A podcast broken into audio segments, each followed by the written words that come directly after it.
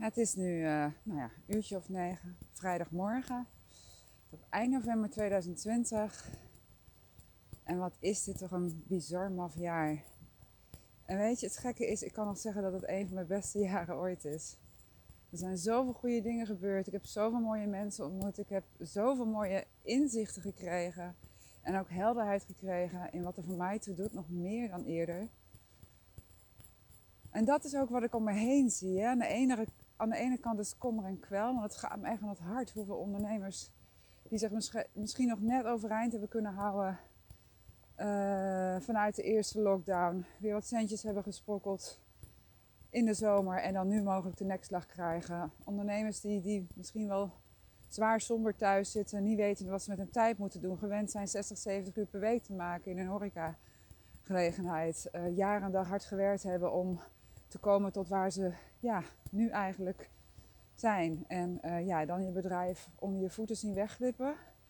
Ja, dat gaat me aan het hart. Dat vind ik een, uh, bittere pil. Hetzelfde geldt voor de kinderen die het thuis al niet goed hebben, die daardoor door corona nog veel meer tussen de vier muren moeten doorbrengen, wat voor hun een hel is. Um, gelukkig kunnen ze nu wel naar school. Dat was tijdens de eerste lockdown natuurlijk niet de situatie. Um, maar net zo goed ook um, ja, de stellen, de koppels die uh, gedwongen thuis moeten werken.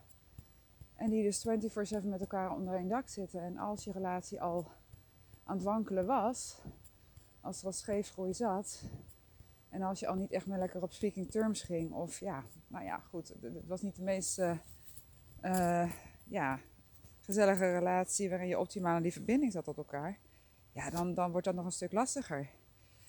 En ook dat, ja, zal in deze tijd er alleen maar des te meer voor zorgen dat het, uh, het drukt op je gemoed.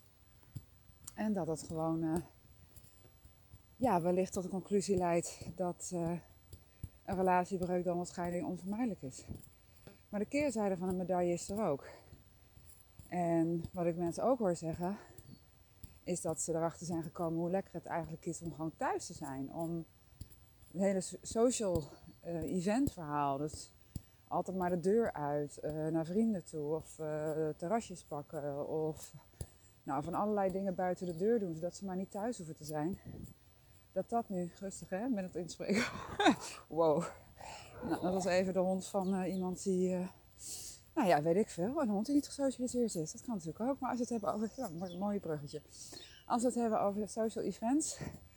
Dan, um, ja, dan kan het natuurlijk een behoorlijk gemis zijn. Maar het grappige is, ik kom best veel mensen tegen... Die eigenlijk aangeven, ik vind stiekem wel lekker zo. En dan ook echt het woordje stiekem erbij. Alsof het niet mag. Alsof het niet geoorloofd is dat je zegt, joh, ik vind het heerlijk om thuis te zijn. En ik mis het eigenlijk helemaal niet zo. Dan nog de mensen die erachter komen hoe heerlijk ze het vinden om gewoon in plaats van het terrasje te hangen de natuur in te gaan. Die zeggen van nou eigenlijk word ik daar veel kalmer van. Krijg ik mijn, mijn, aandacht eigenlijk ook een stukje op mezelf gericht. Wat op het terras ook niet lukt. Want je kijkt toch naar andere mensen en wat er allemaal gebeurt.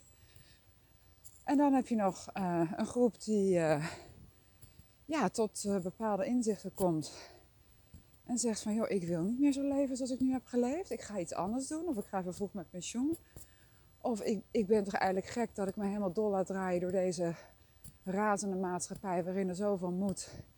En waarin we eerder door kunnen als human doings in plaats van human beings. Ik, ik, ik wil niet meer.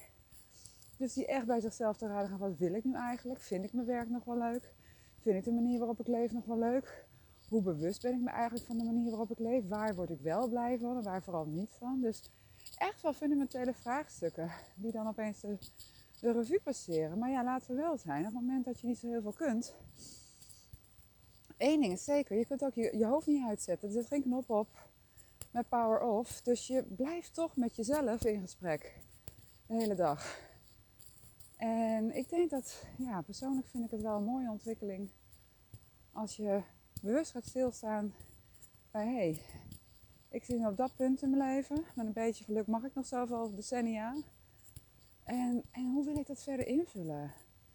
Hoe, hoe ik, kan ik ervoor zorgen dat ik dingen ga doen waar ik echt blij van word? Die me energie geven en niet te veel vreten. En hoe zorg ik voor die balans? Want die is natuurlijk hartstikke belangrijk.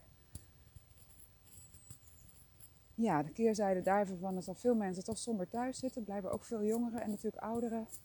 Die met een ziel onder een arm lopen. Die echt het sociale aspect missen. Het niet onder de mensen kunnen zijn. En dat, uh, ja, dat vind ik ook schrijnend. Dat vind ik heel lastig. Stel je voor dat je net op kamers bent gegaan. En uh, je kent niet, niet echt iemand. Je wil de stad gaan uh, ontdekken en verkennen. En ja, doordat je voornamelijk virtuele lessen hebt ontmoet je elkaar ook nog niet echt, leer je elkaar ook niet echt kennen. Ja, dan wordt het toch wel heel, uh, heel lastig en voor sommigen zelfs eenzaam en alleen in een vreemde stad.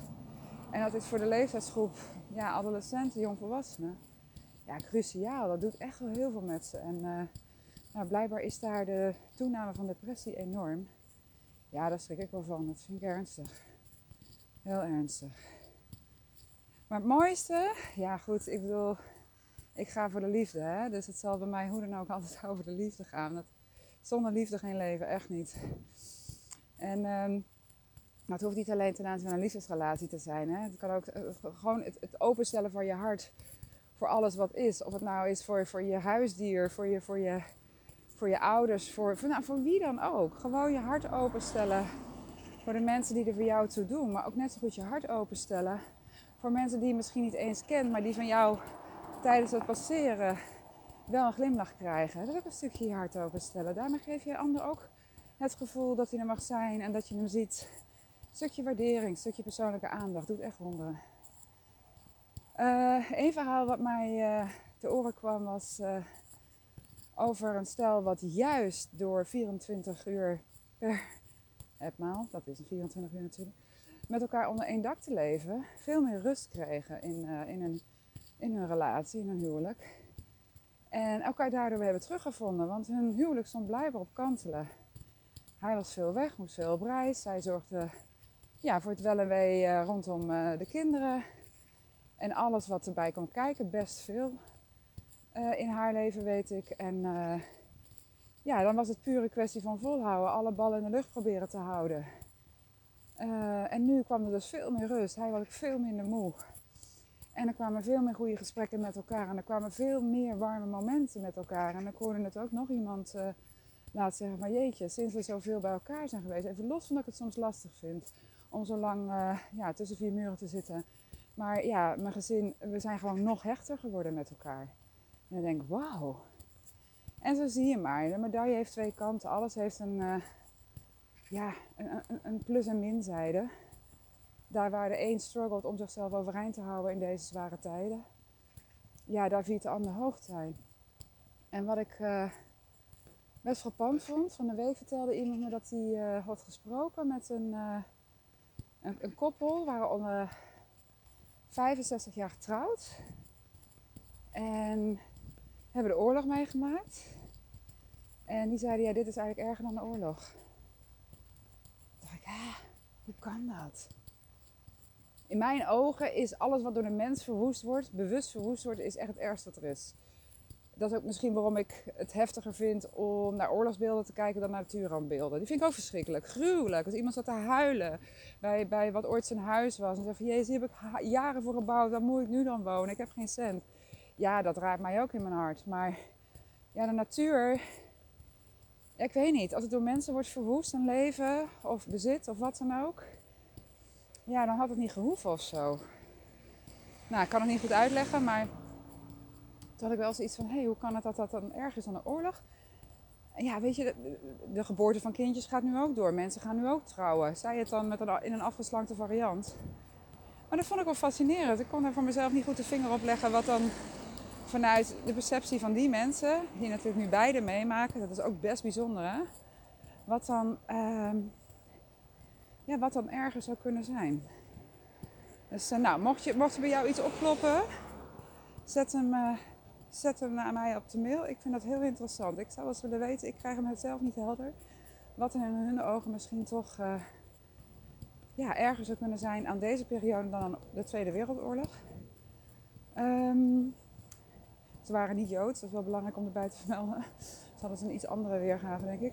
Maar um, en wat ik ook zou willen weten is uh, wat voor jou de plus en min zijn ja, in dit jaar vanwege corona. Wil je aan me mailen? bianca.joyacademy.nl Dan maak ik er een mooie compilatie van. Dan kom ik daar weer op terug in de volgende podcast. Dankjewel.